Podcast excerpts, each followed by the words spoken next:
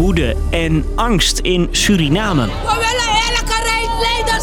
Een demonstratie draaide plots uit op een bestorming van het parlement. De demonstranten zijn boos op de regering. Er zijn vaker van dat soort protesten, maar die eindigden niet eerder zo. Ik vind het echt triest, want dat had ik eigenlijk niet verwacht. Ik dacht altijd dat het, uh, een vreedzame protest Waarom zijn de Surinamers boos? Dat ga ik, Marco, je uitleggen. Lang verhaal kort. Een podcast van NOS op 3 en 3FM. Vrijdagochtend voor het parlementsgebouw in Paramaribo, Suriname. Duizenden mensen demonstreren tegen de regering.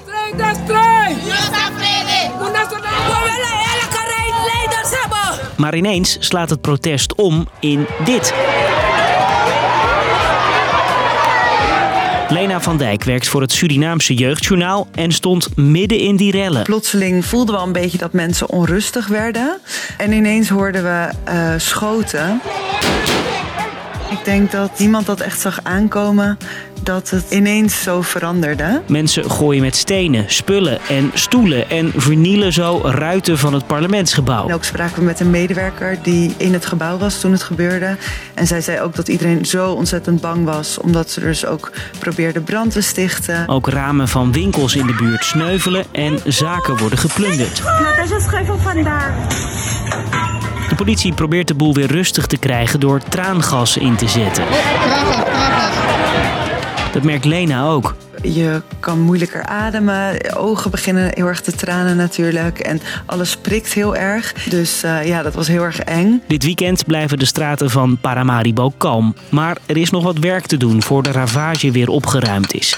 Lena mocht even binnenkijken bij het beschadigde parlementsgebouw. Ja, de schade is daar heel groot. Heel veel ramen zijn kapot, er is brandschade. En ook verder in de binnenstad zie je heel veel winkels die zijn geplunderd. We waren in een brillenwinkel waar echt geen één bril meer over was. Ja, dat is gewoon gigantisch, die schade.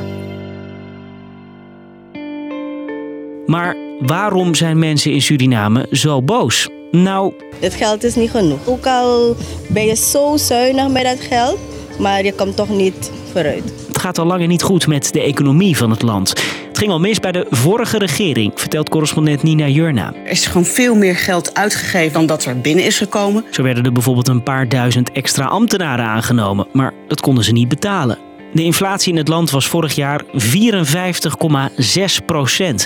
En brandstof is loeiduur. Het heeft impact op hoe mensen leven, volgens Lena. Ja, veel jongeren blijven thuis wonen, omdat ze gewoon op zichzelf wonen hier is niet te betalen. Een ander voorbeeld is dat ik ook wel eens van iemand heb gehoord die dan één kind heeft en eigenlijk wel graag een tweede kind wilde. En elke keer dacht, nou ik wacht nog heel even, misschien dat de situatie verbetert. En dat ze nu ook zegt, nou ik heb gewoon geen geld voor een tweede kind. Ik kan één kind al moeilijk onderhouden. Het land heeft wel een lening bij het IMF, een internationale instelling die landen met geldproblemen wil helpen. En om dat geld te krijgen moet de regering van president Santokki de financiën op orde krijgen en bezuinigen. Maar er wordt steeds beloofd van uh, we gaan het aanpakken, we gaan de economie verbeteren. Maar dat gebeurt niet. Mede daarom zijn mensen al langer niet blij met president Santokki, die er nu een paar jaar zit. Hij belooft het beter te doen en een eind te maken aan vriendjespolitiek. Het gaat alleen nog niet zo goed. Ondertussen zien de mensen wel dat er nog steeds allerlei familieleden en vriendjes van de leiders worden benoemd. En dat zij in wilde leven. Terwijl ja, de gewone Surinamers, ja, daar wordt van verwacht dat ze bezuinigen. Na de rellen ging Paramaribo deels op slot. Markten, winkels en scholen sloten.